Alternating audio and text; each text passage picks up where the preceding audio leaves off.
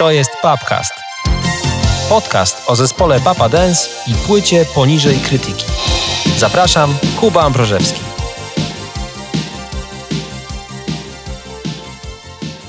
To jest siódmy odcinek Papcastu, podcastu poświęconego zespołowi Papa Dance i płycie poniżej krytyki. Odcinek e, sponsorowany przez piosenkę historyjka e, Stali Kart i o historyjce, ale nie tylko o historii Papa Dance e, i o naszej historii z tym zespołem będę dzisiaj rozmawiał z Borysem Dejnerowiczem. Cześć Borys. Cześć, dziękuję za zaproszenie, bardzo mi miło. Założyciel i były wieloletni redaktor naczelny serwisu Porcys, który ma też swoją istotną rolę, o czym powiemy w, w, w, w pisaniu o zespole Papa Dance, E, i w całej, w całej narracji e, o tym zespole. E, były muzyk między innymi zespołów The Carries on Fire, czy mm, Newest Zealand, a obecnie między innymi autor popularnego fanpage'a muzycznego i nie tylko zresztą, Substance Only. Bardzo się cieszę, że, że jesteś też gościem podcastu. E, bo e, gdzieś e, od kilkunastu lat gdzieś jesteśmy w pewnym sensie w tej samej podróży z zespołem Papa Dance, jeżeli mogę tak powiedzieć. I chciałem się spytać cię na początek, co już jest tradycją podcastu, o twoją historyjkę, czyli jak się po raz pierwszy zetknąłeś z Papa Dance, świadomie bądź nie. Co było dalej, jak ta ewolucja przebiegała? To prawda. Y, dobrze to określiłeś, że to jest taka podróż, która trwa, jak to ujął kiedyś Peja, bez mała ileś tam lat. Y, ja muszę powiedzieć, że przeraża mnie y, skala tutaj właśnie czasu, który już minął z tym zespołem dla mnie, ale na początku w kategoriach odkrycia i takich prywatnych przeżyć, a później już dyskursu publicznego, w którym obaj uczestniczyliśmy razem z wieloma blogerami, krytykami, recenzentami gdzieś tej naszej Indii blogosfery muzycznej. No i też muszę przyznać, że Mam pewien sentyment, jak teraz zasiadamy do tej rozmowy, e, w związku z naszą audycją, właściwie audycją twoją, Maxi Single, w której miałem zaszczyt być gościem. Zdaje się, że to było w 2009 roku, jeśli mnie pamięć nie myli. Rzeczywiście była taka audycja. Poświęcona dodam, że, płycie dodam, że, krytyki. Dodam, że tak, dodam, że audycja Maxi Single oczywiście nieprzypadkowo wzięła swoją nazwę od jednego z utworów z płyty poniżej krytyki i była to e, tak generalnie nie tylko moja audycja, ale moja, e, moim partnerem w tym projekcie był, e, był Kuba Jączyk, którego z tego miejsca pozdrawiamy, serdecznie tak. pozdrawiamy, ale faktycznie była taka audycja, gdzie, e, gdzie sam zasiadłem razem z tobą w studiu i pamiętam, że chyba przez dwie godziny, bo wtedy Maxi Single trwał tyle, przeszliśmy przez całą płytę poniżej krytyki. Szukaliśmy analogii, to znaczy tak. takich pierwowzorów z zachodniej, powiedzmy, z tego tego lepszego muzycznego świata, mm, e, jeśli chodzi o konkretne piosenki z poniżej mhm. krytyki.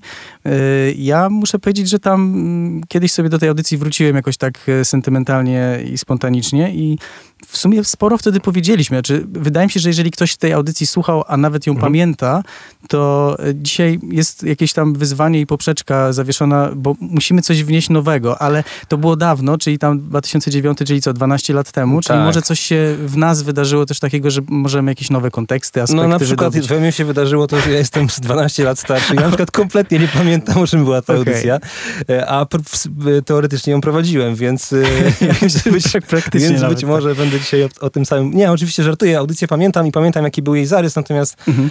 natomiast e, to jest tylko jedna z linii e, opowiadania o oczywiście. tej płycie, e, odnoszenie tych piosenek do, do zachodnich wzorców. Oczywiście bardzo wdzięczna i lubimy takie zabawy.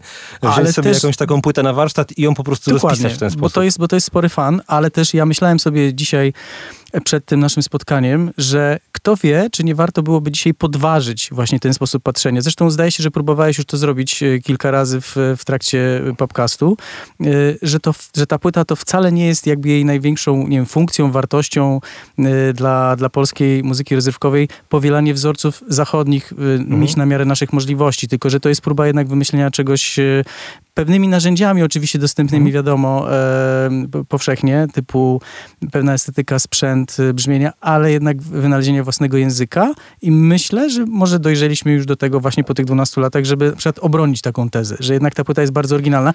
Ja dlatego o tym mówię, bo prowadziłem przez te bez mała właśnie tam kilkanaście lat, różne dyskusje, zażarte, bo poniżej krytyki i w ogóle Papa Dance i pewien kult wokół tego zespołu, jaki się narodził właśnie między serwisami Screenager, Sportsys i w tym takim środowisku y, pewnej części indie blogosfery, to jest duża kontrowersja. Dla wielu ludzi, którzy się mhm. bardzo muzyką interesują, to jest temat trudny i wielu do dzisiaj, e, przepraszam, tak to nazwę trochę... E, może celowo przesadnie, ale trochę wielu nam nie daruje do dzisiaj e, tego, że, że upatrujemy w, w ogóle w tym, w tym projekcie, w tej, w tej formacji i konkretnie w tej płycie jakichś takich nadprzyrodzonych e, sytuacji. Mhm. Że to po prostu była kalka, tak jak każda inna polska muzyka. Mhm. Czy Skaldowie, nie wiem, z Beach Boysów, z Domieszką Góralszczyzny, czy polski rap z początku swoich, z przełomu mhm. mileniów i polski rap dzisiaj, czyli tam trap na autotunie, mhm. że to wszystko jest nawiązywanie, czy, czy polska nowa fala, czy rock Lady Punky Perfect nawiązujący do Police i tak dalej, i tak dalej, że zawsze jesteśmy te dwa, trzy y, zwykle lata mhm. do tyłu, kopiujemy i że po prostu Papa Dance to było to samo, a w dodatku e, to nie było autorskie, to nie było szczere, mhm. tylko to było wykoncypowane. E, więc e, okej, okay, trochę popłynąłem, rozgadałem się w, w tym wątku, ale wydaje mi się, że warto by było się na przykład zastanowić, czy, e, czy w ogóle to nie jest odpowiedni m, mm, kierunek myślenia jakby o tym, o tym albumie. Mhm. Może to jest coś zupełnie innego, może to jest jakaś baśniowa opowieść z cyklu King Size dla każdego i po prostu jakaś taka nasza bardzo PRL-owska, mhm. zaklęta właśnie bajka, którą w inny sposób można wyjaśnić dzisiaj ludziom. No tak, to jest oczywiście omawianie poniżej krytyki poprzez odniesienia do zespołów synth-popowych w rodzaju Aha, Kajagugu czy Frankie Goes to Hollywood i tak dalej, i tak dalej. To jest jakiś pierwszy taki bardzo powierzchowny poziom wtajemniczenia. Ale im głębiej wnikamy, tym mniej istotne się to wydaje tak naprawdę i no chyba żaden z nas już nie słucha tej płyty w ten, w ten sposób, że e, kiedy rozpoczyna się, e, nie wiem, piosenka dajmy na to o la la, to wtedy myśli sobie, o jak tutaj fajnie nawiązali do, no właśnie to można się spierać, czy do Scritti Politi, czy do Sunshine Reggae, czy do czegoś innego, ale, ale, ale chyba, chyba gdzieś, ja już się, że tak powiem, wypłukałem z, tego, z tej optyki bardzo mocno. E, jest to dla mnie na swoich własnych prawach po prostu e, absolutnie osobna wypowiedź, która używa po prostu jakichś narzędzi z tej epoki. A wiesz co ci e, powiem? Ciekawe jest to, że my się z tego wypłukaliśmy, bo już znamy tę płytę bardzo dobrze, ona gdzieś w nas siedzi i doszukujemy się zupełnie jakby y, innej funkcji w tym, a powiem to, bo myślę, że to jest dobry moment i mam nadzieję, że nikogo w tym miejscu nie obraża, ale po prostu byłem świadkiem takiej sytuacji, mhm. że sami muzy muzycy zespołu Papa D dzisiaj, instrumentaliści, nadal się z tego nie wypłukali.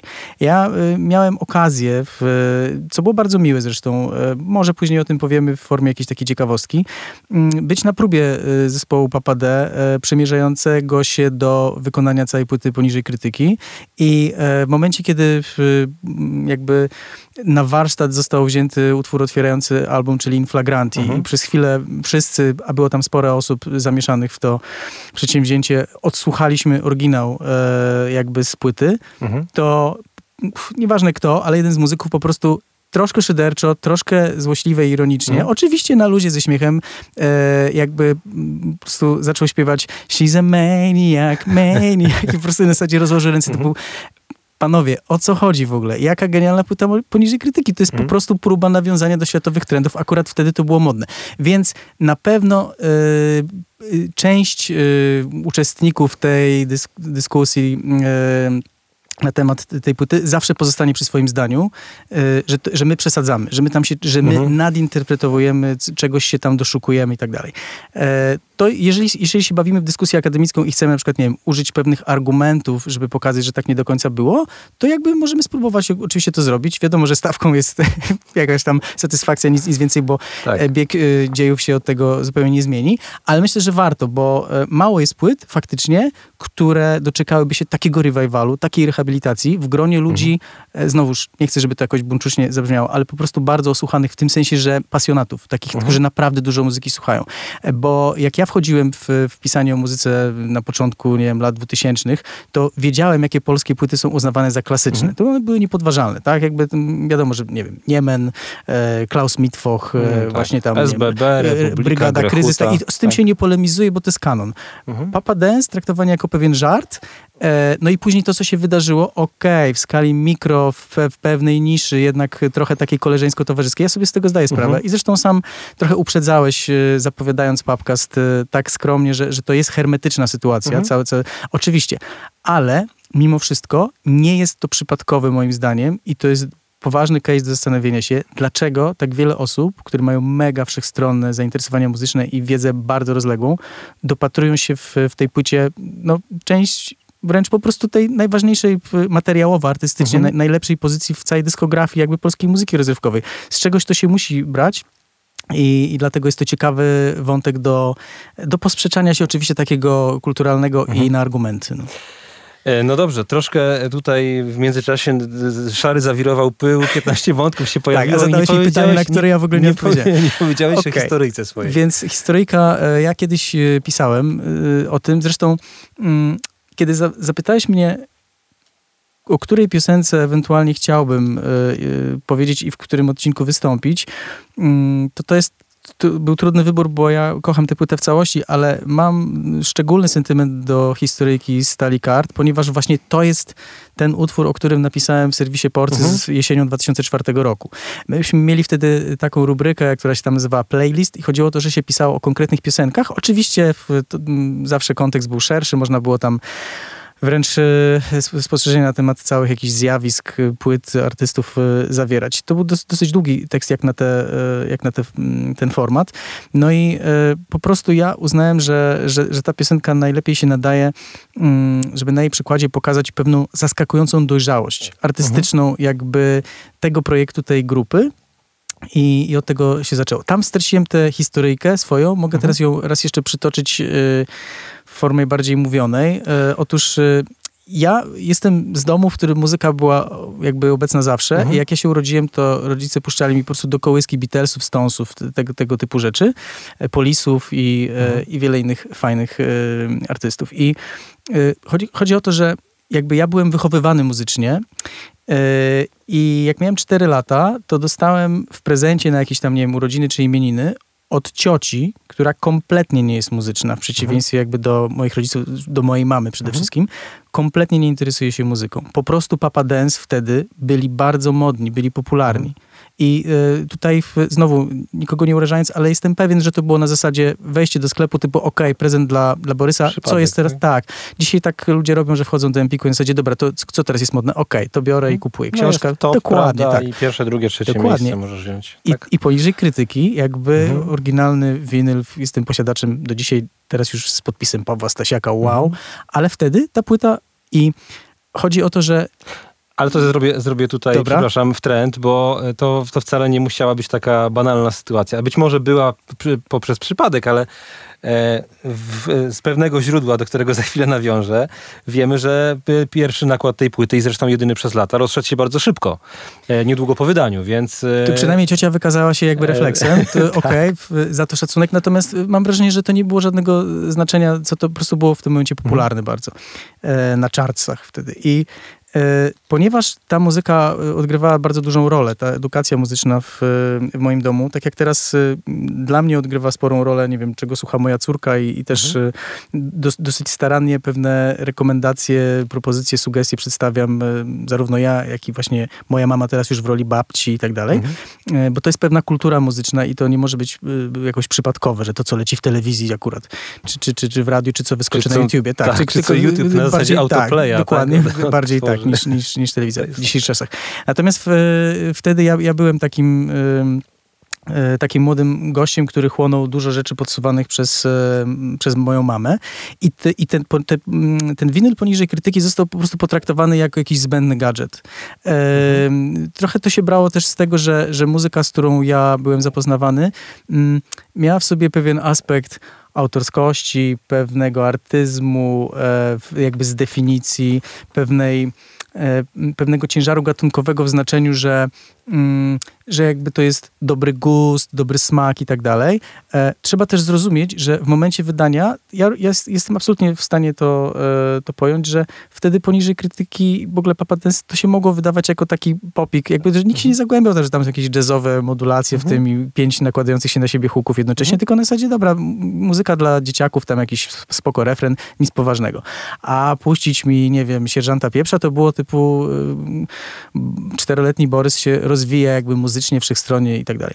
No i tak było, że ta płyta po prostu pokryta kurzem, e, a w ogóle cud, że, bo ja się wiele razy, wiele razy przeprowadzałem e, jak, mhm. jak za młodu, e, że ona się w ogóle zachowała, bo ja nigdy do niej nie zaglądałem. Ja nie wiem, może mhm. ona raz pro forma została odtworzona, może mnie w ogóle to mhm. nie zainteresowało, może w, zupełnie w co innego muzycznie wnikałem. Wiedziałem, że taki zespół był, nigdy nie traktowałem go poważnie. Mhm.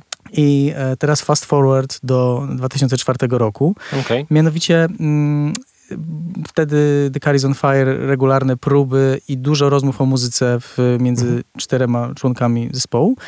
E, I często... Z których też każdy był w jakimś sensie erudytą muzycznym, tak? Jak najbardziej i też my mieliśmy taką zasadę, że wymienialiśmy się mhm. pomysłami, wymienialiśmy się płytami, rozmawialiśmy dużo, bardzo wszechstronnie. E, trochę szukaliśmy śladów dobrej muzyki wszędzie, żeby mhm. nic nikogo nie zaskoczyło. Czy, czy to będą jakieś nagrania e, terenowe, jakieś eksperymentalne, czy właśnie totalnie jakiś dans, mhm. z, z, jakiś tańc budy po prostu. To wszędzie, jeżeli coś było ciekawego, to ktoś powiedział, hej, słuchajcie, to jest warte sprawdzenia. Mm, y, tak nawiasem mówiąc, wydaje mi się, że to, że to też y, było dużą wartością y, tego zespołu. I w pewnym momencie, kiedyś po, po którejś próbie, wywiązała się rozmowa, której ja się przysłuchiwałem między kolegą Jackiem i kolegą mhm. Krzyśkiem. I oni zaczęli coś takiego mówić, że kurczę, no Warszawka teraz po prostu odleciała od paru lat. Jest taki lans w takich klubach, mhm. gdzie leci, leci taka muzyka 80sowa, taka kiczowata mhm. i jakby to jest takie z przymrużeniem oka ironiczne, że to było takie jakby mega słabe, ale my wiemy o tym i troszkę tego słuchamy po prostu tak na zasadzie meta, że jakby idziemy się pobawić, oczywiście są to mhm. zakrapiane imprezy, leci tam muzyczka, znamy refreny. Ja tak tego słuchałem i, i, i nagle pojawił się temat y, zespołu Papa Dance i y, bodajże Jacek właśnie Szabrański wspomniał, że był na imprezie, gdzie y, DJ grał taką muzykę 80 jakby przez, przez, przez całą noc i w pewnym momencie wyszedł zespół Papa Dance. Że to był w ogóle jakiś szok, że oni wyszli, mhm. jakoś tam, nie wiem, część była z playbacku, czy Paweł Stasiak mhm. śpiewał, tam jakiś instrument był dogrywany i zaczęli grać y, swoje hity z lat 80. Mhm. i za zaczęli w pewnym momencie wykonywać Olala mhm. i cała sala już ostro podchmielonych jakby mhm. imprezowiczów warszawskich lancerów e, po prostu oszalała z wrażenia, że ten gość wychodzi i śpiewa i oni wiedzą, wow e, że to, jest, że to jest śmieszne, zabawne, ale fajne i w ogóle. No więc ja mówię, no dobra, ale to rozumiem, że to jest jakaś taka moda, coś.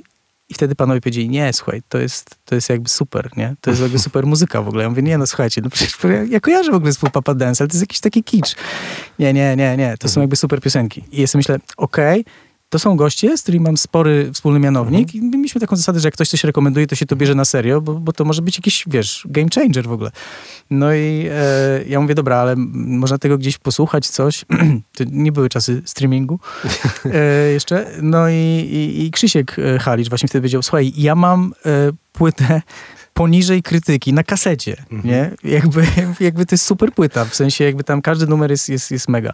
My dobra, e, powiem tak, pożycz mi tę kasetę proszę, ja tego sobie posłucham w samochodzie, bo wtedy miałem odtwarzacz na mhm. kasety i jakby zobaczymy. I mówiłem to trochę z, z, taką przekorą na zasadzie, że wiadomo, że to będzie po prostu taki modern talking beast. Już sobie układałeś w głowie argumentację, tak, jak że, go wyjaśnisz. Że tak? po prostu posłucham i wrócę na samą próbę mhm. stary. No nie ze mną takie numery, no mhm. ja zupełnie mm, czym innym się teraz zachwycam jaram się, nie wiem, wielowątkowymi piosenkami Fiery Furnaces z płyty mhm. Blueberry Boat, a nie, no, a nie jakimś tam mhm. Papa Dance. No i y, na następną próbę faktycznie przeniósł y, Krzysiek tę kasetę. Wyglądała y, przeuroczo. Jakiś taki, w ogóle jakaś zupełnie inna okładka niż mhm. te, ta, którą znamy, ta zielona. no i ja wziąłem i mówię, dobra, y, dam szansę. Wracałem, y, mieszkałem wtedy pod Warszawą i tak y, zajmowało mi właśnie około 50 minut dotarcie samochodem y, z, z centrum stolicy do miejsca, w, do domu, w którym wtedy rezydowałem.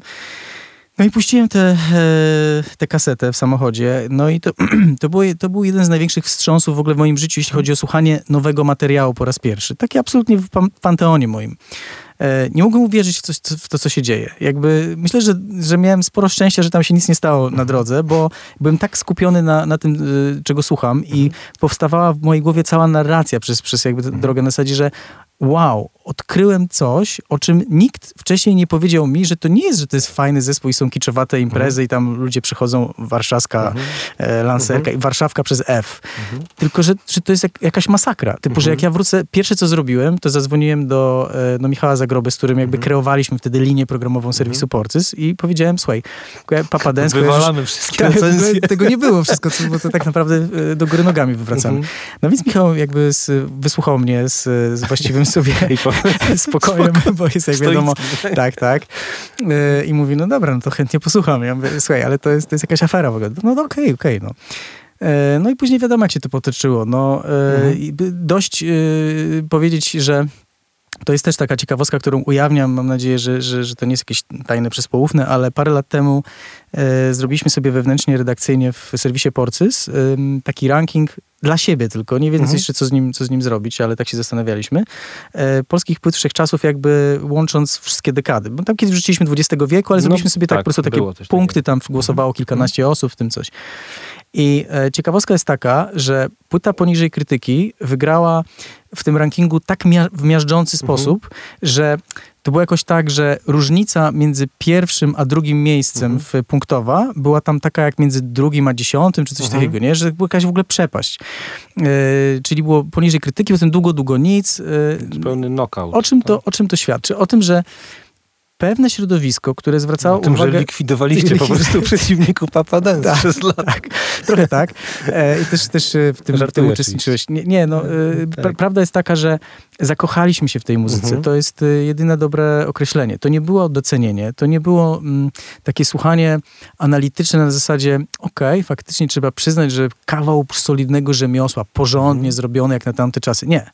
To jest coś, co właśnie wspomniany tutaj Michał e, Zagroba Sporcys określił e, mianem euforii, że, że to jest ten, ten rzadki moment, kiedy się słucha czegoś, albo w ogóle się z czymś obcuje, nie wiem, czy to jest film, książka, czy cokolwiek innego, czy mecz piłkarski, że najpierw jakby są emocje i jakby skaczesz pod sufit na zasadzie wow, co się właśnie wydarzyło, moje życie już nigdy nie będzie e, takie samo, a dopiero później, jak już ochłoniesz, to sobie myślisz, no dobra, ale właśnie teraz przeanalizujemy na powtórce, co tu się właściwie wydarzyło w tych piosenkach, nie? Dlaczego? Dlaczego, dlaczego to jest taki cios? No i, e, i ja oczywiście wtedy skumałem, że okej, okay, ja mam tę płytę mhm. od dziecka, że to jest właśnie ten prezent od cioci, mhm. który zawsze ignorowałem, bo gdzieś tam sobie leżał, bo w ogóle go nie traktowałem na poważnie. E, napisałem e, ten tekst na Porcys.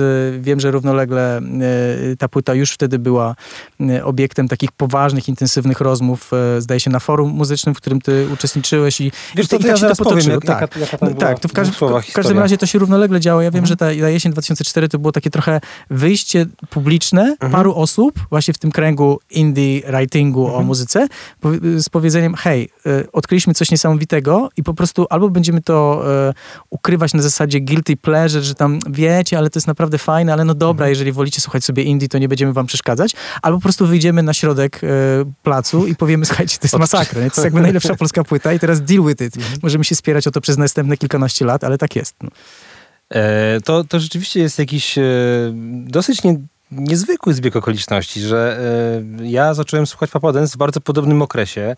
E, I pamiętam oczywiście twój tekst, e, pieczołowicie odczytywany i analizowany, ale e, jakby u mnie się to zaczęło trochę wcześniej. Ja miałem też towarzysza tych, tych odkryć.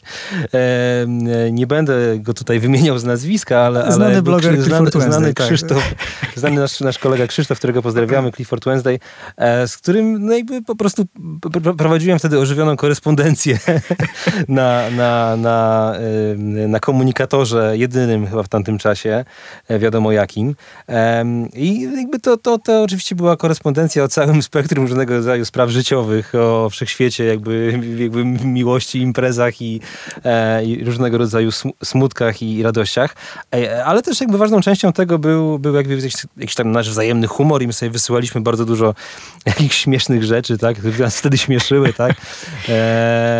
I, i, w, i w pewnym momencie ja nie pamiętam, czy, czy, czy, to, czy, to, czy to byłem ja tego inicjatorem, czy, czy był to mój, e, mój kolega, ale, ale gdzieś się pojawił temat, temat zespołu Papa Dance na zasadzie takiej, ej, weź posłuchaj, jak to w ogóle śmiesznie brzmi, jakie to jest po prostu...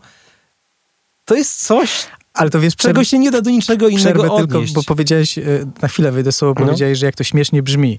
Mi się przypomina e, taka, taka, taka anegdota, kiedyś kolega bardzo taki nieśmiały, który mm -hmm. w towarzyskiej sferze miał, miał jakieś takie kłopoty z wyrażaniem jakichś swoich opinii, bo bał się, że będzie jakoś źle odebrany mm -hmm. czy coś. No i tam siedzieli na zajęciach, na studiach, no i jakiś kolega go tam szturchnął i mówi, słuchaj, widzisz, widzisz tę dziewczynę tam, widzisz ją? Mm -hmm. Widzisz ją?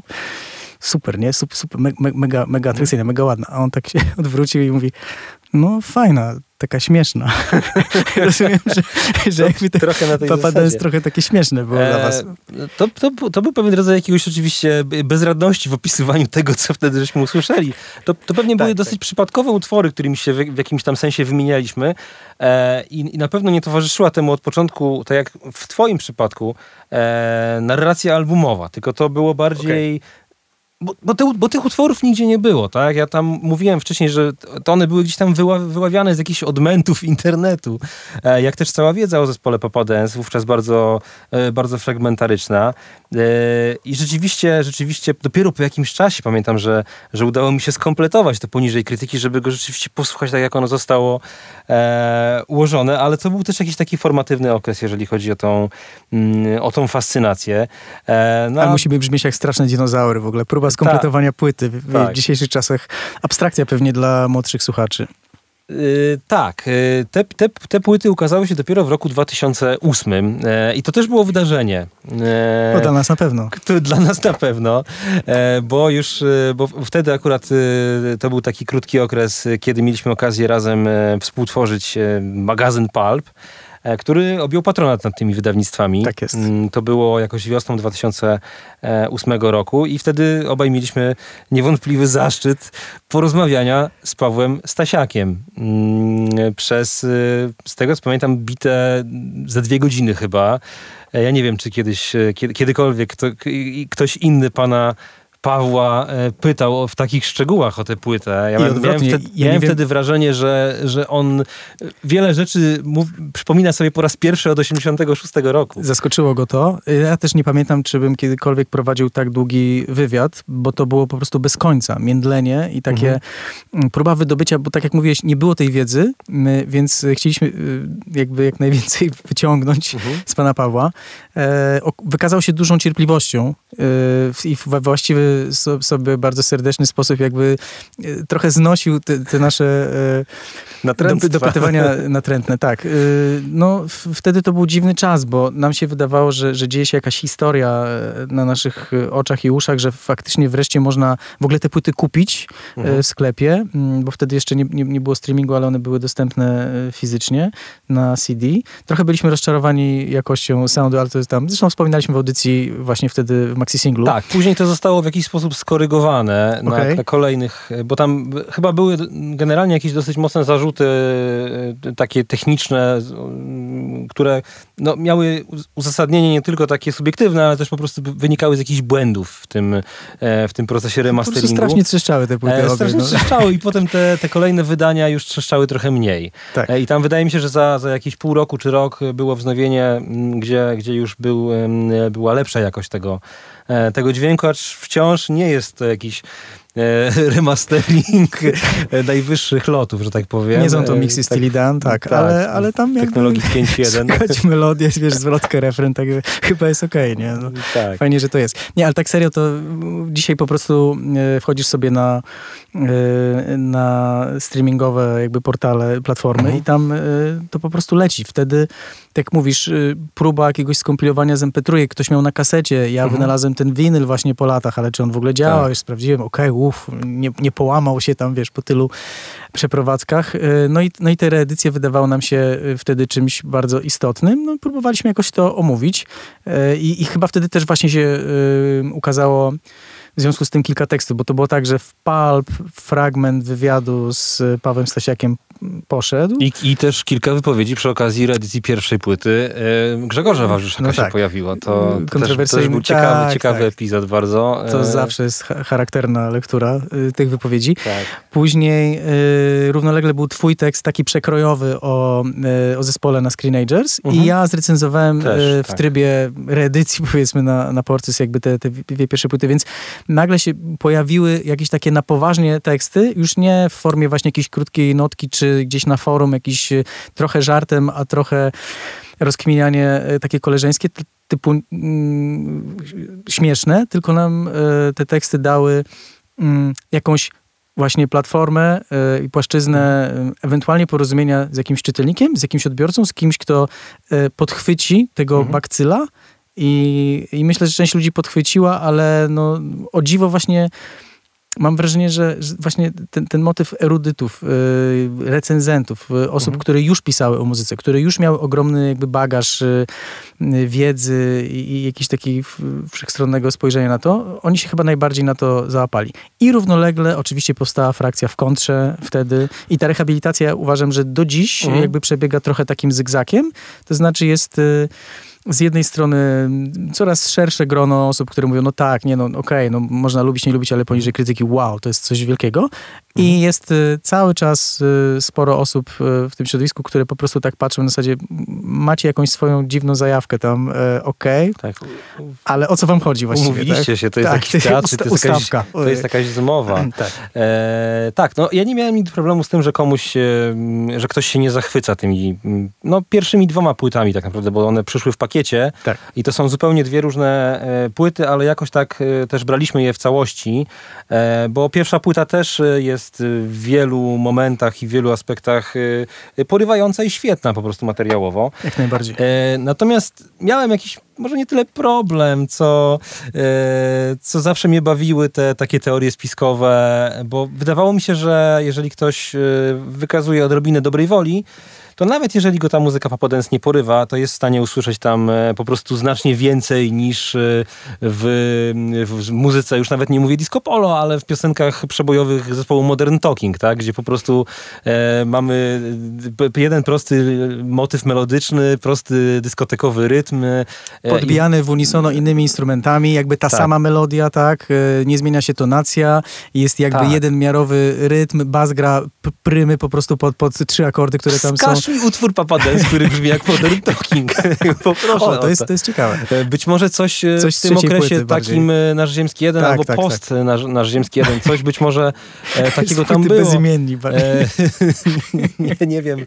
E, tam, tam, tam jest parę niefortunnych utworów, ale też nie wiem, czy one są do końca niefortunne w tym znaczeniu, w jakim muzyka mo Modern Talking jest, delikatnie mówiąc, prostolinijna. Tak. I a propos tej prostolinijności tego wywiadu z Pawłem Stasiakiem i a propos historyjki, która E, sponsoruje nasz odcinek, a jeszcze, jeszcze się nie pochyliliśmy nad nią, e, to ja sobie dzisiaj wyciągnąłem z bardzo wielu stron e, tego wywiadu z Pawłem Stasiakiem, które, które przepisywałem po prostu potem przez pół dnia. Taki cytat.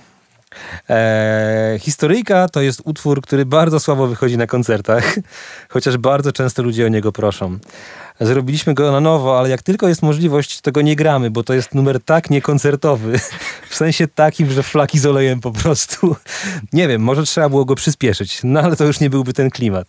Także niechętnie wykonujemy. Natomiast sprawdził się na tyle, że był chyba 8 czy 10 tygodni na pierwszym miejscu w jedynce z czego się cieszyliśmy. Natomiast już na listę przebojów trójki nie miał szans na wejście bo to jednak zbyt prosty utwór na tamtą stację.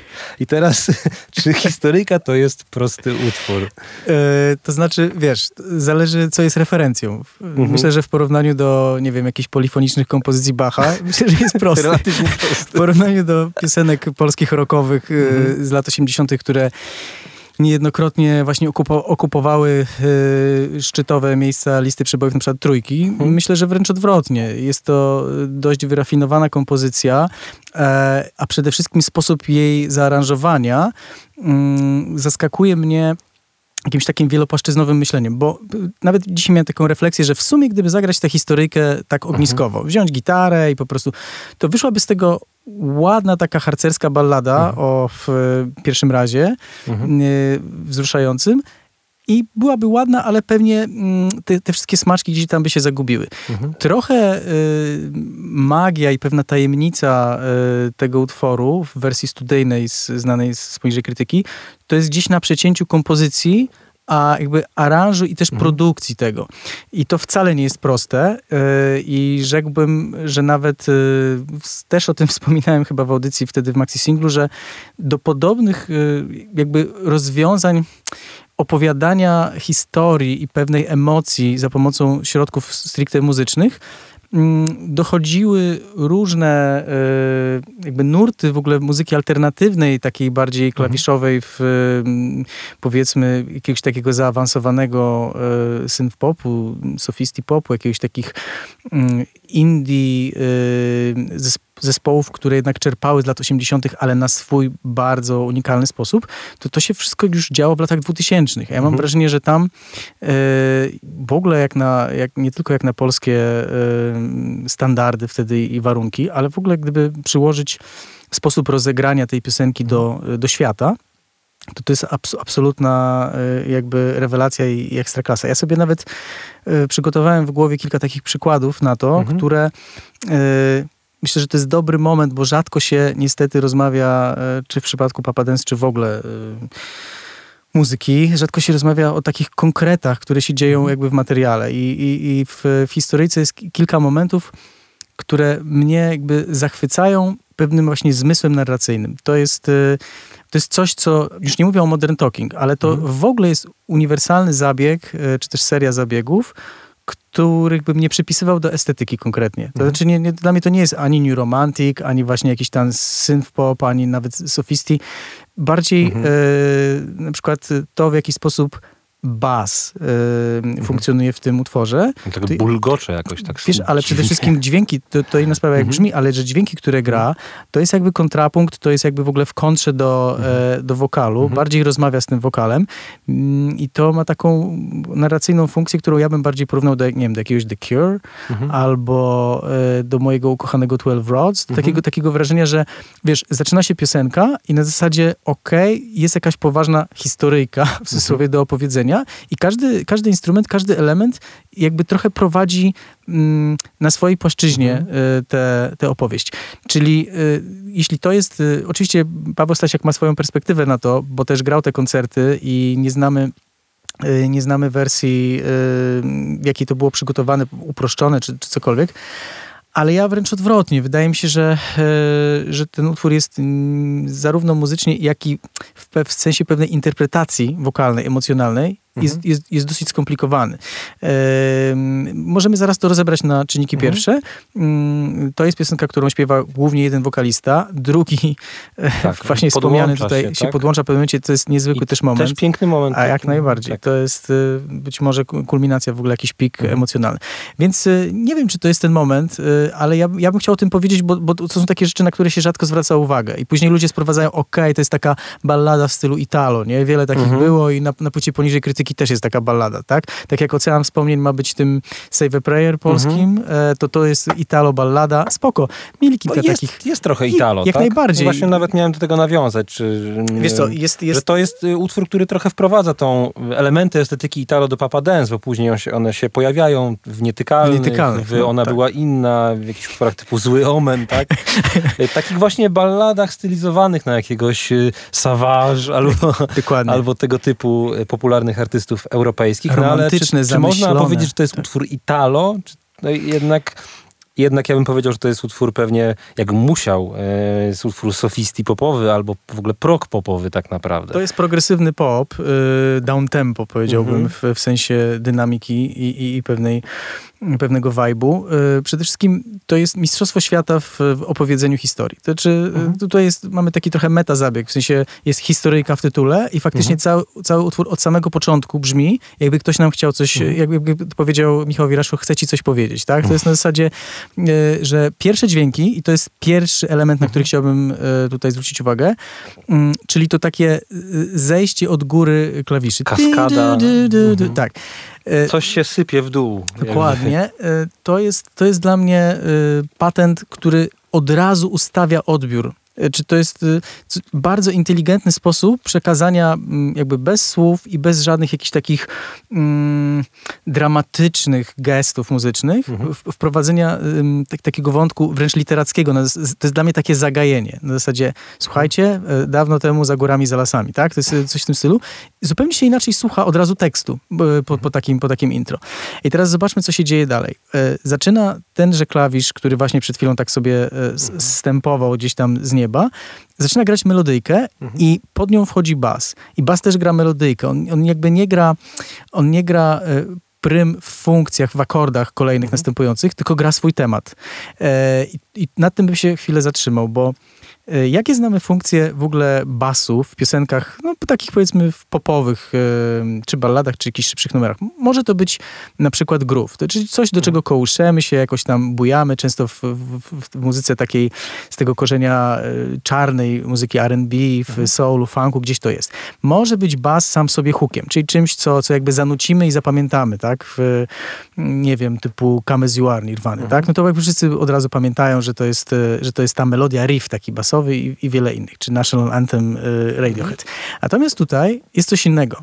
Znaczy ten bas ani nie jest hookiem samym w sobie, ani jakby nie jakoś specjalnie nie gruwi, mhm. to jest temat dosyć skomplikowany, w sensie mhm. sekwencji dźwięków, który jakby drąży swoją opowieść. I teraz już pomijam, że to jakby pasuje i nie pasuje jednocześnie do wokalu. W sensie tam pojawiają się pewne dysonanse, takie podprąd dźwięki. Trzeba było to rozpisać. Mhm. Każdy, nie wiem, sprawny klawiszowiec zrobi to tam pewnie w, w trzy minuty, e, ale chodzi o intuicyjnie, jak tego słuchamy, że od razu mamy wrażenie, że narracja jest prowadzona jakby na, w kilku planach. Mhm. Dla mnie to nie jest rzecz zwykła, normalna w muzyce, czy 80 popie, czy nawet dzisiaj w jakiejkolwiek piosence ktoś nową mhm. wyda, bo zwykle ten bas po prostu podbarwia pasmo. To znaczy ma, ma coś być w dole, żeby miks się zgadzał i mhm. gra, żeby tam nie było zgrzytu, jakby pewnie to, co jest jakby w głównym akordzie, który prowadzi piosenkę w jednym, drugim, trzecim i tyle. Nie. Ten bas tam gra... Yy, jest, jest bardzo sprytnie rozegrany rytmicznie, bo jest taki moment start-stopu, że jakby gra, urywa się mhm. na chwilę, znowu gra. Polecam zwrócić, zwrócić na to jakby uwagę, przysłuchać się, jak ten bas sobie funkcjonuje, że żyje trochę swoim życiem, mhm. ale nie na tyle odpływa, że to jest, to jest pełna kontrola mhm. jakby tutaj kompozycyjna, żeby nie było wrażenia, że to jakiś zupełnie freak. Że tam, jazz, tak? Tak, tak. Ale właśnie jest w tym element jazzowy, ale taki bardzo, e, powiedziałbym bardziej typu Johnny Mitchell e, mhm. środkowa, typu mm, ballady jazz popowe, wyrafinowane, mhm. gdzie tam, nie wiem, Jaco Pastorius tam coś mhm. dogrywa, ale y, jakby wszystko w obrębie piosenki jest utrzymane w pewnej formie, w, w jakichś mhm. tam ryzach. No i teraz co się, co się dzieje dalej? Y, jest niesamowite wycieniowanie interpretacji wokalnej w tej piosence. Znaczy, byłem wielokrotnie świadkiem w studiu rozmów między realizatorem czy producentem mhm. a wokalistą. W różnych rolach y, tam występowałem i się zawsze przyglądałem, jak się prowadzi wokalistę w studiu. No i tutaj śpiewa Kostek Joriadis i zawsze się mówi na zasadzie, słuchaj, to zaśpiewaj delikatniej. Tu jeszcze mhm. nie zdradzaj, nie, nie, otwieraj wszystkiego, nie rozkładaj wszystkich kart, tak? Mhm. E, ale e, później jak jest refren, na, na, drugi refren zwłaszcza, to już musisz pocisnąć, to już musi być mhm. mega mocne. Taki e, schemat, tak? Taki schemat trochę. Albo na przykład w mostku musisz trochę dać e, takie zawieszenie, żeby, żeby tak przytrzymać trochę słuchacza przy mhm. sobie, potem znowu e, dasz na talerzu wszystko.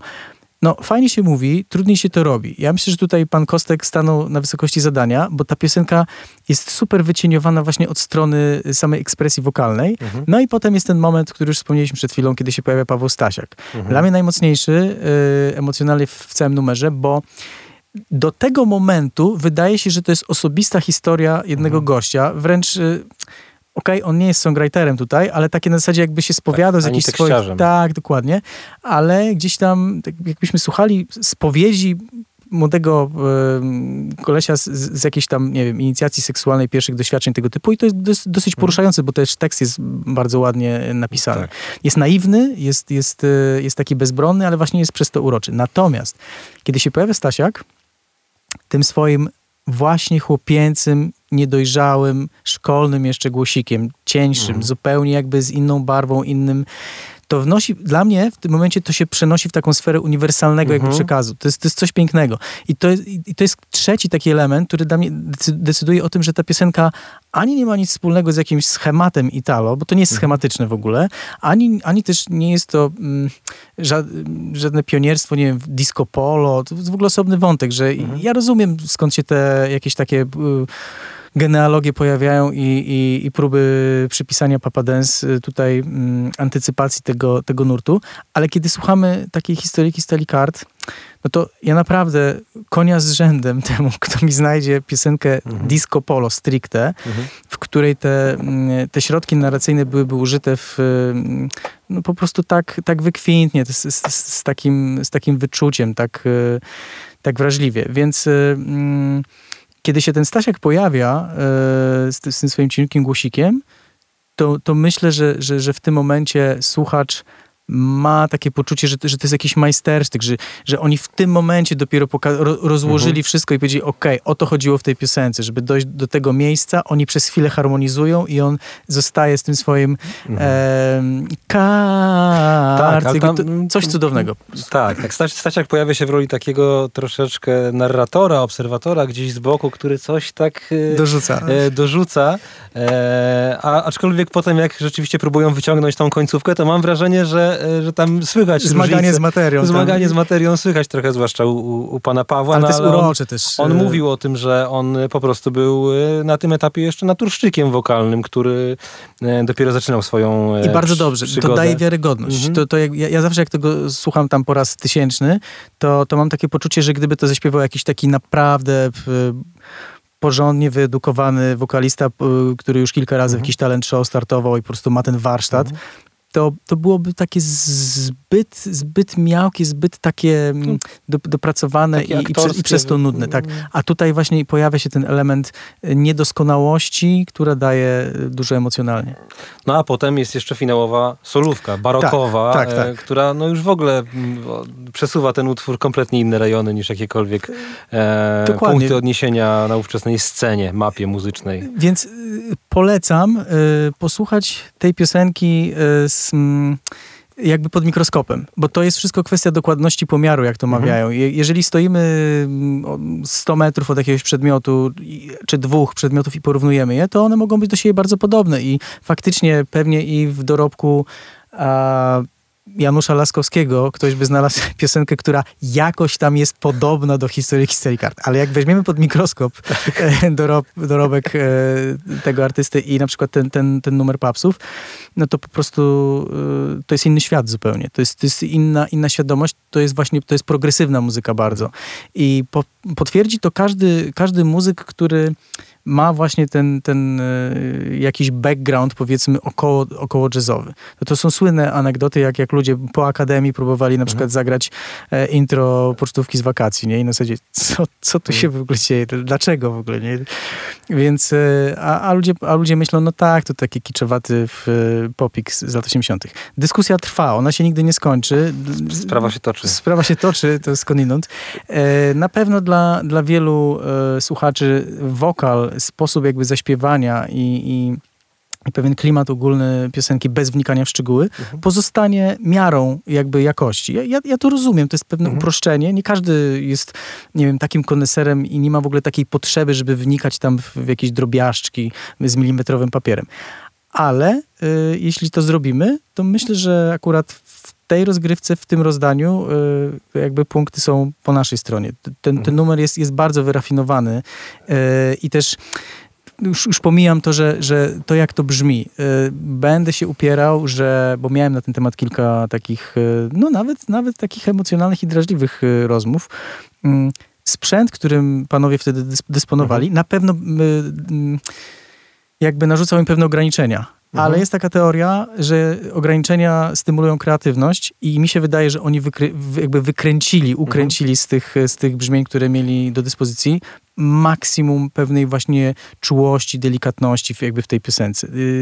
A- absolutnie nie wyobrażam sobie, nie wiem, kaweru historyjki zrobionego na mega pro światowym, Mhm. takim już hiper mainstreamowym jakby sprzęcie. Myślę, że zabrzmiałoby to jakby za dobrze w sensie technicznym mhm. i nie miałoby tego takiego wręcz low-fi lekko klimaciku. Tak, no, ta, ta, ta piosenka jest w pewnym sensie taka krucha, taka trochę rozsypująca tak. się, taka wątła. I jakże to pasuje do, do tej opowieści literackiej, trochę. prawda? W tym,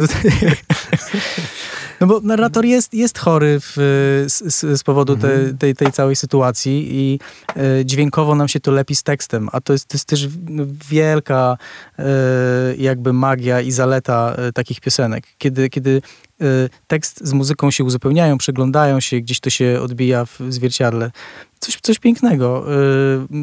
Polecam pod tym kątem na to, na to spojrzeć, bo to, że tam element Italo w tym jest, to już jakby sobie mhm. potwierdziliśmy, ale jak wniknąć w, w te drobiazgi, to słychać znacznie, znacznie więcej. To, że tam jest Italo, to mówiąc kolokwialnie, każdy głupi usłyszy. Dokładnie.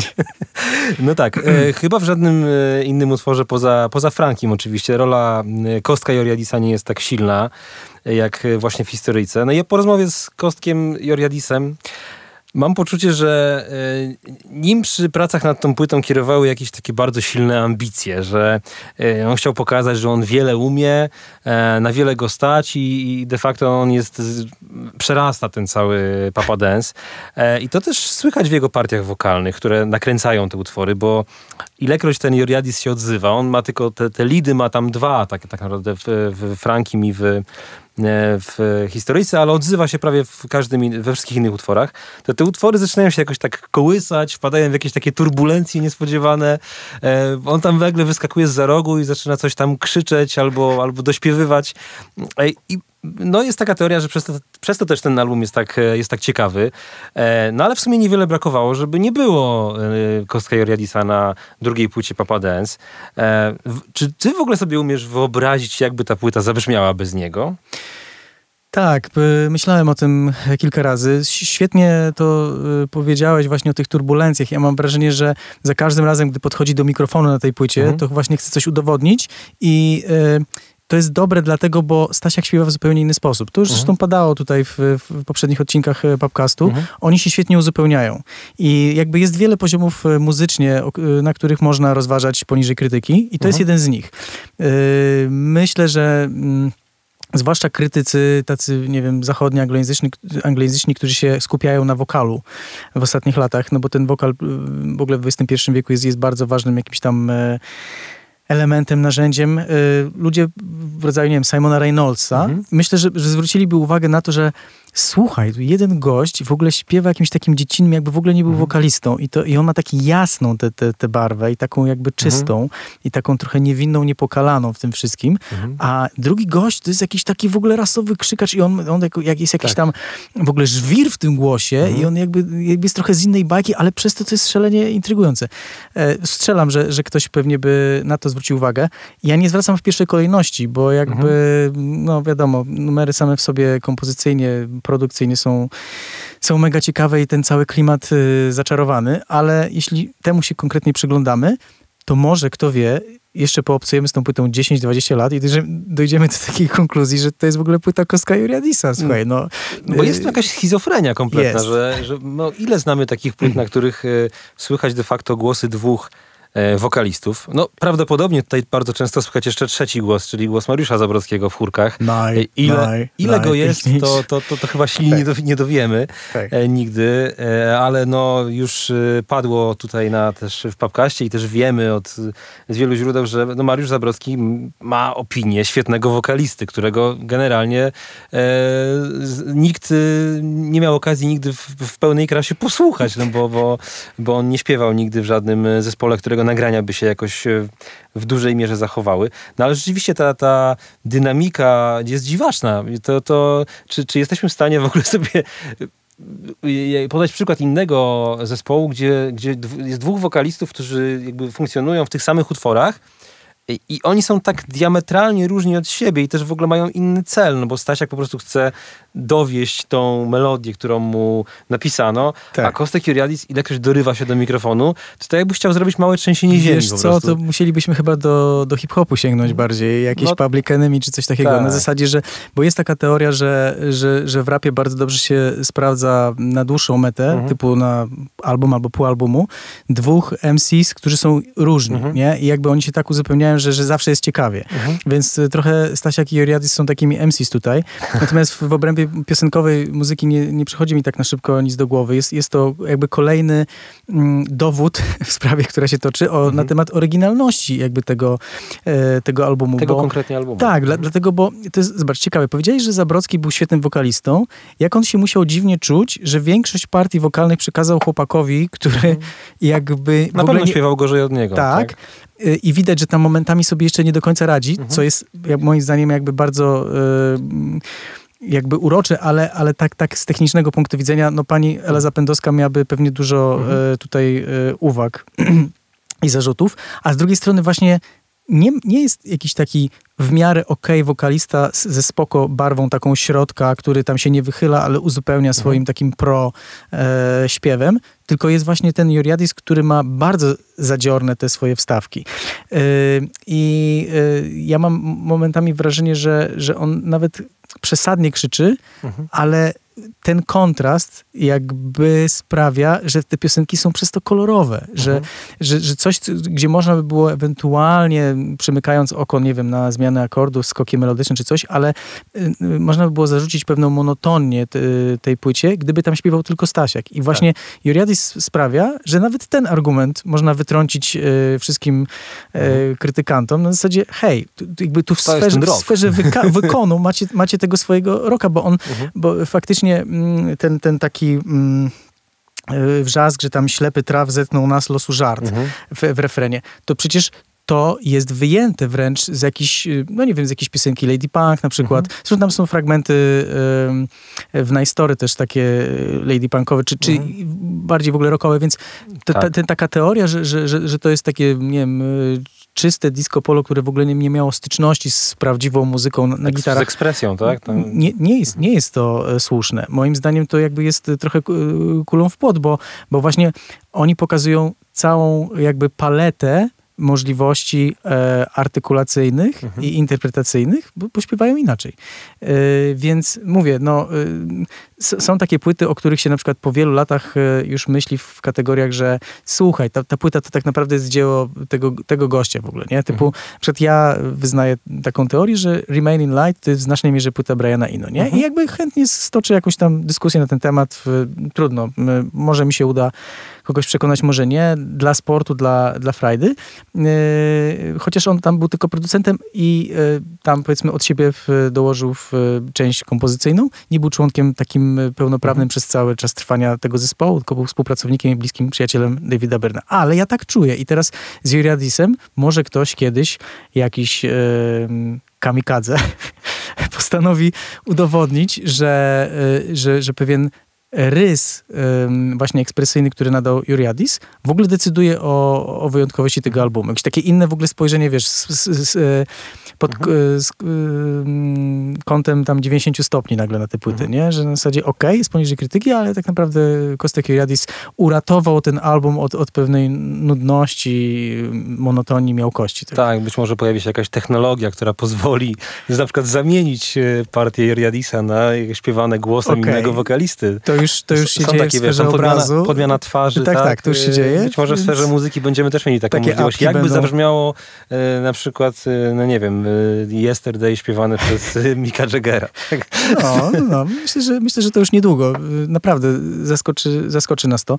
E, więc e, kończąc, tak, rola, rola bardzo ważna, aczkolwiek przysłuchiwałem się z, z wielkim zaciekawieniem e, rozmowie z, z Koskiem Juradisem w ramach podcastu i właśnie też byłem zaskoczony mm, momentami, jak, jak mówił, że, że miał do tego też takie podejście bardzo yy, jakby wykonawcze, w sensie, że, mhm. że panowie byli twórcami tego, a nawet nie brał do siebie e, na początku jakichś, nie wiem, głosów krytyki czy coś, bo mm. uważa po prostu, ja wykonuję swoją robotę, którą ktoś mi mhm. jakby tutaj zlecił. Tak, i w pewnym momencie pojawił się ten element ambicji, o którym mm. wspomniałeś i tak jakby tutaj momentami między wierszami chciał wykrzyczeć, e, że hej, ja powinienem po prostu więcej na tej płycie śpiewać, tak? A może tak naprawdę chodzi o to, że chciał, e, wiesz, typu mrugnij trzy razy, jeśli uważasz, że jesteś lepszym wokalistą od Stasiaka, tak? Jakby krzyknij za głośno, jeżeli, jeżeli chcesz pokazać całej Polsce, że, że to ty powinieneś być y, tutaj głównym, głównym śpiewakiem w tym.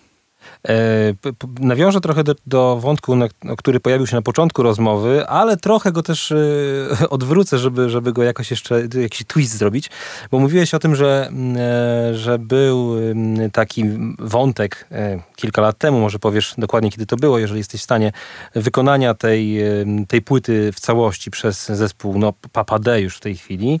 E, czy, y, no, no właśnie, co, co, jak ta historia się potoczyła, jeżeli możesz y, zdradzić i dlaczego nie, nie doszło y, w końcu do tego, że, że, że zespół zagrał tą płytę w całości i czy przypadkiem nie jest tak, że ta, że ta płyta po prostu nie jest do zagrania, że nie da się ich zagrać na żywo?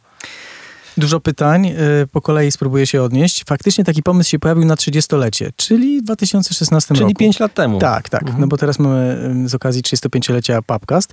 No i powiem ci, że yy, może tak w skrócie będę, opowiem o całej idei, mhm. o pewnym mechanizmie, a nie będę wnikał jakby w szczegóły, w nazwy, nazwiska, bo to jest jakby mniej w tym wszystkim istotne. Chodzi o to, mhm. że odezwano się do mnie i to był dla mnie mega e, zaszczyt.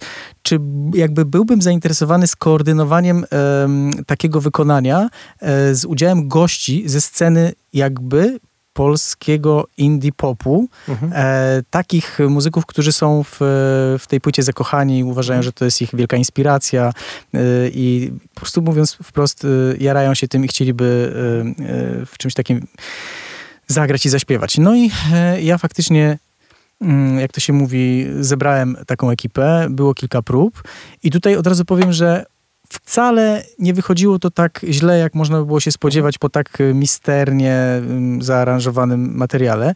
Brzmiało to całkiem nieźle, tylko problem polegał na tym, że, że cały pomysł był jakby sprofilowany na udział w pewnym festiwalu, e, gdzie, gdzie to miało się odbyć. I, nie chodzi o festiwal Piknik Country. E, absolutnie nie. E, można się domyślić. Ani o festiwal w Ostrudzie. W skrócie też nie. Otóż e, ani, ani festiwal e, piosenki żołnierskiej. Nie, chodziło po prostu o to, że, że były prowadzone zaawansowane rozmowy e, o tym, żeby poniżej krytyki zostało jako taka duża atrakcja pewnego mhm. festiwalu muzyki alternatywnej wykonane mhm. w całości. właśnie na 30-lecie. I było blisko, żeby y, ten deal został zrealizowany. Byliśmy w gotowości, te próby się odbywały. No i w pewnym momencie okazało się, i myślę, że to nie jest to jakby niczyja wina, jest to po prostu pewna ocena trzeźwa sytuacji. Y, w skrócie, że jak na pewną stylistykę, pewien target, pewnego rodzaju e, jakby format tego festiwalu, konkretnie ta płyta ten zespół, ten skład Papa D w tym momencie, to byłoby o jeden most za daleko. To znaczy, że w skrócie do niewielu uczestników tej imprezy y, trafiłoby to w taki mhm. sposób na zasadzie, ok, to jest ciekawe muzycznie, tylko mogłoby to zostać źle odebrane na zasadzie, że to jest jakiś rodzaj nieporozumienia, ok, mhm. że, że to mimo wszystko jednak jest y, jak, jakoś postrzegane jak coś kiczowatego i jakby może jakaś garstka y, świrów się tym y, zajawia, ale już tak, żeby pokazać to na dużej scenie, zasadzie hej, cała płyta wykonana od początku do końca, mhm. to, to, to, nawet nie będzie do końca zabawne, tylko możesz się spotkać z jakimiś negatywnymi reakcjami. Jestem w stanie to zrozumieć, bo buduje się profil festiwalu, mhm. zwłaszcza takiego, przez wiele lat. Oczywiście. I to była delikatna jakby sprawa. I w skrócie, po, po tam paru rozmowach, jakby nie doszło to, to do skutku. Ja to zapamiętam jak, tak, jako taki miły moment, że, że ktoś pomyślał, że, że w ogóle nadaje się, żeby, żeby to jakoś zorganizować. E, no i też kilka prób, e, nie zapomnę jak, e, jak właśnie na wysokości chyba Inflagranti, o którym już wspominałem wcześniej. Był taki moment, kiedy bardzo to zażarło na próbie mhm. i tak, tak jakby patrzyłem na, na wykon, tam był mm, klawiszowiec, byli, byli dodatkowi wokaliści, mhm. Mm, to jest trudny numer, bo tam jakby mhm. na klawiszach e, są takie staccato jakby e, partie w refrenie. Tu, tu, tu, tu, tu. I, I to wszystko nagle zaczęło ładnie wychodzić. Tak pomyślałem, że kurczę, nie jest to łatwe, ale mhm. damy radę, jakby zrobimy i będzie super. Ten moment zapamiętam jak, jako, to, jako coś, coś takiego mhm. w takiej mojej fantazji, co, co się nigdy realnie mhm. nie wydarzyło, ale gdzieś tam będę go trzymał głęboko w sercu Taka na zawsze. Historyjka, tak? historyjka kolejna dzisiaj. Tak. E, dobrze, na koniec, bo już druga godzina naszego spotkania e, się rozpoczęła, e, więc do brzegu powoli. Okay. Obaj znamy ten album od wielu lat. E, to trochę już, trochę już pewnie gdzieś tam się te, te refleksje między wierszami pojawiły. Ale czy tak z perspektywy roku 2021, jeżeli dobrze liczę, e, no 17 lat y, świadomego słuchania płyty poniżej krytyki, myślenia o niej też, e, bo nie da się nie, nie myśleć. E, czy, czy, czy możesz się pokusić o taką refleksję, jak się zmieniło od tamtego momentu, tego tej, tej wielkiej iluminacji w samochodzie, twoje postrzeganie tej płyty? Czy są takie rzeczy, które ci się na niej wyostrzyły? Przeciwnie, czy są też takie, które zaczęły ci jakoś może przeszkadzać? Zakładam, że, że może to za mocne słowo, albo przestały ci w takim stopniu jak wcześniej imponować. Jak, jak tam gdzieś dojrzewała w tobie ta płyta przez ten czas? No ciekawe pytanie. Ja nie wiem, czy to w ogóle będzie dla kogokolwiek interesujące. No ja... Yy, ja Słuchaj, muszę... 80 przynajmniej procent słuchaczy podcastu dosłuchuje do końca, więc y, są jeszcze z A, nami. No jest dobra. z nami jeszcze bardzo wiele osób. No to super. No to w takim razie powiem tak. To jest, to jest bardzo długo, 17 lat. I ja się z tą płytą bardzo zżyłem od wtedy. I to mhm. jest jedna, mogę to spokojnie powiedzieć, y, absolutnie biorę za to odpowiedzialność. To jest, myślę, że jedna z dziesięciu moich ulubionych płyt jakby życia, mhm. nie? E, I teraz jest, jest taka kwestia, że jeśli coś tak dobrze znasz, to trochę tracisz do tego dystans. Mhm. E, mm, ja pamiętam, jak e, na studiach musiałem wybrać, o jakim filmie, bo akurat byłem na mhm. e, mm, seminarium magisterskim filmoznawczym, o jakim filmie napiszę magisterkę. I pierwszy mój odruch był, że z, zrobię o filmie Memento Nolana, jeden z mhm. moich ulubionych filmów. I po prostu, wow, super, ja tak kocham ten film. I potem pomyślałem, jeśli spędzę teraz najbliższe miesiące na analizowaniu jakby tego w najdrobniejszych szczegółach, to ja, nie wiem, przestanę lubić ten film, bo on mi się będzie kojarzył jakby z ciężką pracą, właśnie analizą, a nie z, tak jak powiedziałeś, z jakąś mhm. iluminacją, objawieniem i, i z, po prostu z przyjemnością, z rozkoszą słuchania. I myślę sobie, pozwolę sobie na e, rodzaj jakiejś refleksji, e, mam nadzieję, że nie będę jakoś źle odebrany, na temat, e, na temat w ogóle podcastu też, bo to jest super inicjatywa. I te, I te, odcinki jakby no kapitalnie to wszystko wychodzi, ale tak sobie myślę, że, że, są, że są jakby plusy i minusy tego. Plusem jest to, że nikt nigdy nie pokusił się tak naprawdę, żeby rozebrać ten album aż tak bardzo na części, dotrzeć do źródeł, popytać wszechstronnie od, od strony w, nie wiem, socjologicznej, kulturowej, wręcz etnologicznej momentami, e, w perspektywie transformacji ustrojowej i tak dalej, i tak a, a również muzykologicznej gdzie tutaj e, myślę naj, najwięcej e, do powiedzenia miał kolega Michał Hoffman, ale to jest jakby w, ekspert w, w, w, temacie, sam zresztą na YouTube wrzuca odcinki, gdzie analizuje kompozycję Papa Dance i robi to rewelacyjnie, ale Myślę sobie, że jeżeli jest jakiś, jakiś minus yy, takich, yy, takich właśnie yy, szczegółowych, drobiazgowych jakby opracowań, analiz, jest to rodzaj odzierania mhm. tej płyty z pewnej magii, z pewnej, z pewnej mistyki, z, z pewnego niedopowiedzianego elementu, który gdzieś tam sobie w nas pracuje, w naszych serduszkach. Mhm. Kiedy się mu przyglądamy z bardzo bliska, to mm, wiesz, to jest tak jakby sztuczkę magiczną jakby rozłożyć, że nagle widzisz, ok, czyli to tak zostało zrobione, ok. E, mamy o, o, tyle jakby dobrze, że nigdy się nie dowiemy, co się tam działo w, w studiu, nigdy mhm. się nie dowiemy, jak to powstało w głowach e, panów Zabrowskiego, Wesołowskiego i, i jak oni poprowadzili wokalistów. Możemy tylko właśnie ze strzemków, jakichś różnych podań się domyślać, ale powiem tak, im bardziej wnikam w tę płytę w taki sposób na chłodno, właśnie metod, metodycznie, analitycznie, tym mniejszy jest stopień tego, tego jakiegoś takiego szczerego zachwytu, po prostu takiego, takiej właśnie euforii, mhm. entuzjazmu, mm, e, który, się, który poczułem wtedy pierwszy raz słuchając i, i czasami gdzieś przypominam sobie to, e, to uczucie. A kiedy nie analizuję, kiedy po prostu raz na jakiś czas wracam do tej płyty i, i, i, i chcę raz jeszcze się z nią zżyć tak czysto w, w zmysłowo, to wtedy chyba, to wtedy chyba mam największą przyjemność ze słuchania. No i to jest właśnie ten paradoks, że człowiek mhm. chciałby wiedzieć jak najwięcej, bo poświęcił temu setki przesłuchań i, i, i, chciałby się dowiedzieć, e, dlaczego to jest takie piękne, dlaczego to jest takie nadal świeże, bo tak uważam. E, dlaczego w Polsce powstało coś, co, e, co ma jakąś chyba unikalną właśnie muzycznie, stylistycznie wartość. Będę tego stanowiska uparcie bronił. A potem kiedy, kiedy już y, siedzisz, siedzisz w tym gąszczu różnych kontekstów, różnych jakby mhm. wypowiedzi, różnych y, mm, jakby rozbierasz te, te aspekty na, na czynniki pierwsze, to, to sobie myślisz, no dobra, ale tak naprawdę raz jeszcze puszczę sobie inflagranti, nie myśląc w ogóle o tym mhm. i to będzie coś, y, znowu coś niezwykłego. Ja powiem tak, y, ja mam bardzo znowuż to jest jakaś moja prywatna, indywidualna historia. Ja mam bardzo e, taką, e, taką oso taki osobisty związek z tym pierwszym poznaniem Papa Dance. To znaczy, ja wtedy byłem w konkretnym momencie życia i jak sobie przypominam różne rzeczy, które wtedy robiłem, gdzie mieszkałem, z kim spędzałem czas, o czym myślałem, co było dla mnie ważne, to ta płyta była soundtrackiem tego. E, wiesz, typu, okej, okay, to pierwsze przesłuchanie w samochodzie to faktycznie to był taki jak piorun we mnie strzelił, ale pamiętam potem, nie wiem, rok później, dwa lata później, że nie wiem, pojechaliśmy na ferie zimowe z dziewczyną w Tatry i słuchaliśmy non-stop jakby poniżej krytyki. I mi się to z tym kojarzy, że w, na tamtym etapie życia ja, ja się jeszcze nie mogłem tym nasycić. W sensie ja, ja, się, zachłysnąłem się tak tematem, że po prostu każdy kolejny odsłuch to było na zasadzie jakby znowu przeżywam to. I coś nowego zawsze znajdujesz. Tak, też. no bo to jest płyta nie, niezgłębione, jest mnóstwo tam detali. Dziś już tak nie jest. Płyta miś. Płyta miś, dokładnie trochę. E, natomiast dziś już, dziś już jest, jest tak, że e, tych nowych rzeczy nie odnajdę, a sam jestem w zupełnie innym momencie.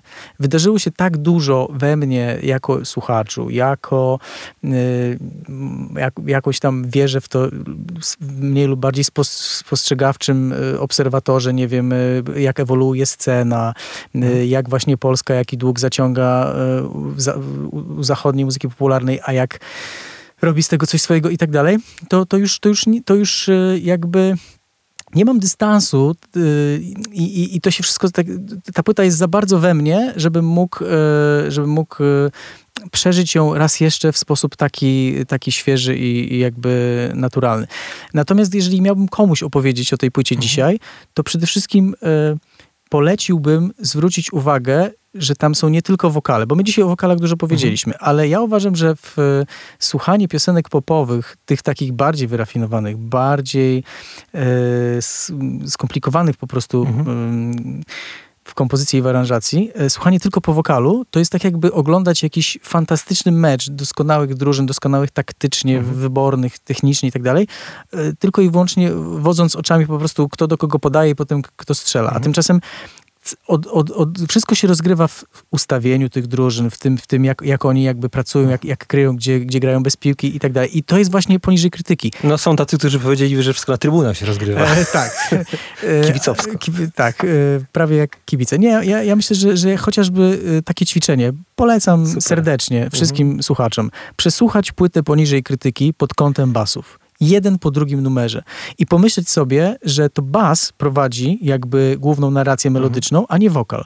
E, na zasadzie tylko, żeby zobaczyć, co się wydarzy z nami. Jakby z naszą, z naszą percepcją z, i, i z naszym jakby postrzeganiem e, tego materiału.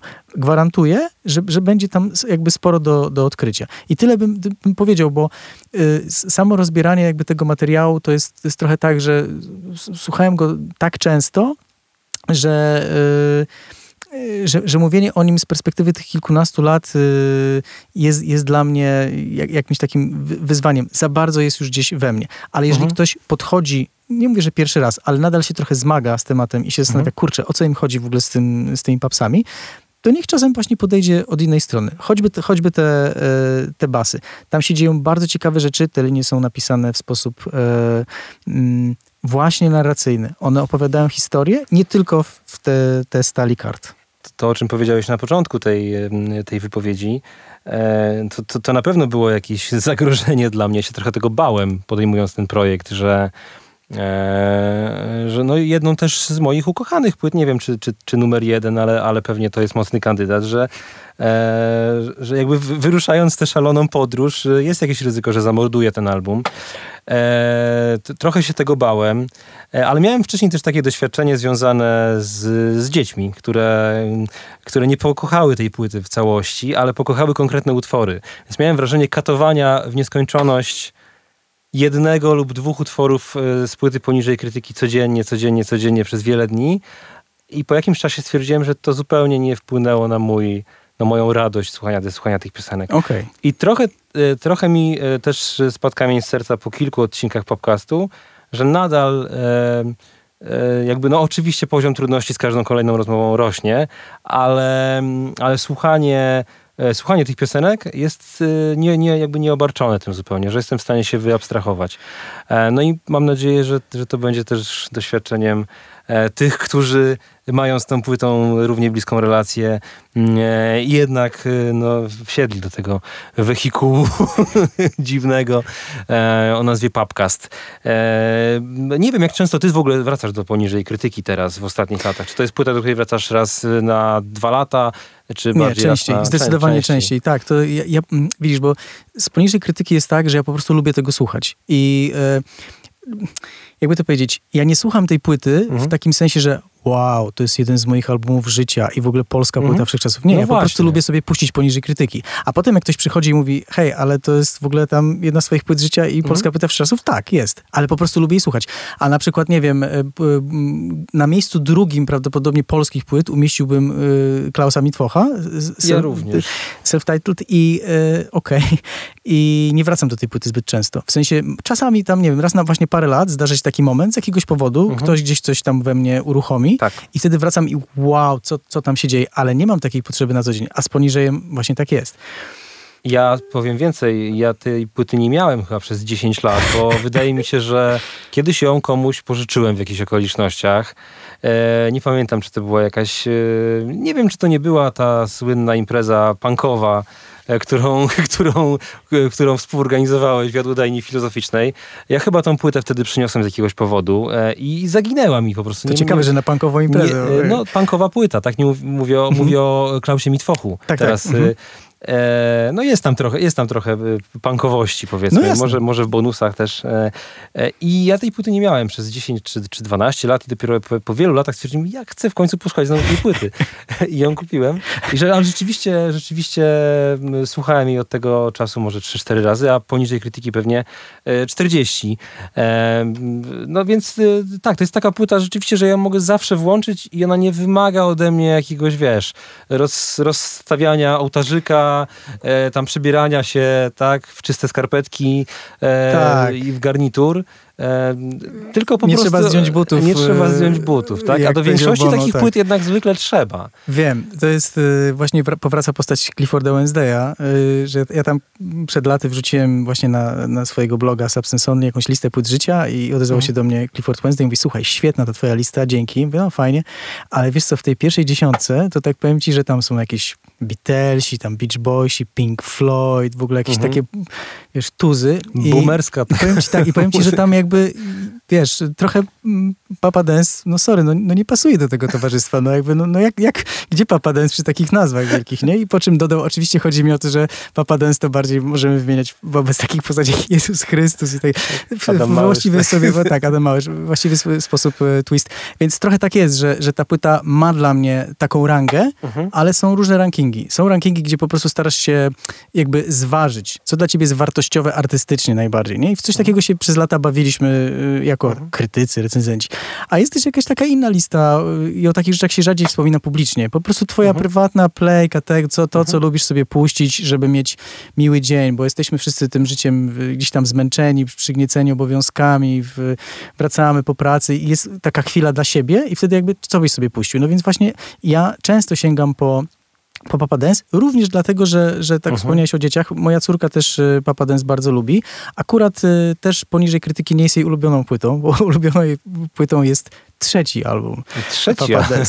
Zdecydowanie. Który jeszcze tak. czeka na rehabilitację, tak. więc prawdopodobnie Ale to już nie ja. kilkanaście lat, ja już kilkadziesiąt z córką kilka razy posprzeczałem. Kolejne bo, pokolenie. Tak, chciałem jej powiedzieć, że, że ta płyta wcale nie będzie jest... Będzie udowadniać w Edenkaście, że, że piosenka temat na klip to jednak arcydzieło. Tak. Nie, ja myślę, że, że to już był inny zespół wtedy i to jest pewnie na, właśnie na osobną rozmowę. Znaczy, to był zespół wtedy po prostu. To był, to po raz pierwszy yy, tak. się to, można było to w taki sposób nazwać ale, ale poniżej krytyki, wiesz, no to, to jest po prostu płyta, y, która w zadziwiający sposób łączy doskonałość formy, taką wreszcie, a kiedyś używałem takiego określenia pretensjonalnego, apolińska, niemalże mhm. jak Dark Side of the Moon, że te numery są takie wycyzelowane, mhm. a jednocześnie jest lekkość w tym. Właśnie chodzi, że mm, w Dark Side of the Moon nie ma lekkości. To nie jest y, płyta, którą sobie mhm. zapuścisz do, do obiadu, a poniżej krytyki jak najbardziej, bo jakby to, to, to te numery po prostu sobie płyną i, i, i wiesz, i, y, jest tym wszystkim słowo, które nie padło dzisiaj, a uważam, że jest bardzo ważne dla zrozumienia e, też tej płyty, pewnego niech klimatu. wybrzmi na końcu. Eskapizm. Wydaje, mi- wydaje mi się, że, że ta płyta po prostu Mhm. zabiera e, słuchacza w jakiś Mhm. taki inny wymiar i jest to rodzaj by ucieczki od, e, wiadomo, wtedy trudnych czasów e, w kraju, ale Mhm. dzisiaj dla każdego, kto, kto jest e, czymś tam, nie wiem, przygnieciony taką, taką bardzo bolesną, namacalną jakby rzeczywistością i, i prozą życia takiego codziennego. Dla mnie, jak, jak włączam poniżej krytyki, zawsze prze, jakby przechodzę do, do innego fantazyjnego, Mhm. właśnie takiego baśniowego świata. I kiedy mówiłem o tym odzieraniu e, z... Mhm. Z, z tej właśnie takiej otoczki e, jakiejś nietykalności, pe- pewnej magii tej płyty, to właśnie o to mi chodziło, że ja najbardziej lubię obcować w takich momentach, takich, Mhm. takich mniej właśnie refleksyjnych, bo później jak sobie to rozkładam, to faktycznie wow, co tutaj gra bas, Mhm. niesamowite.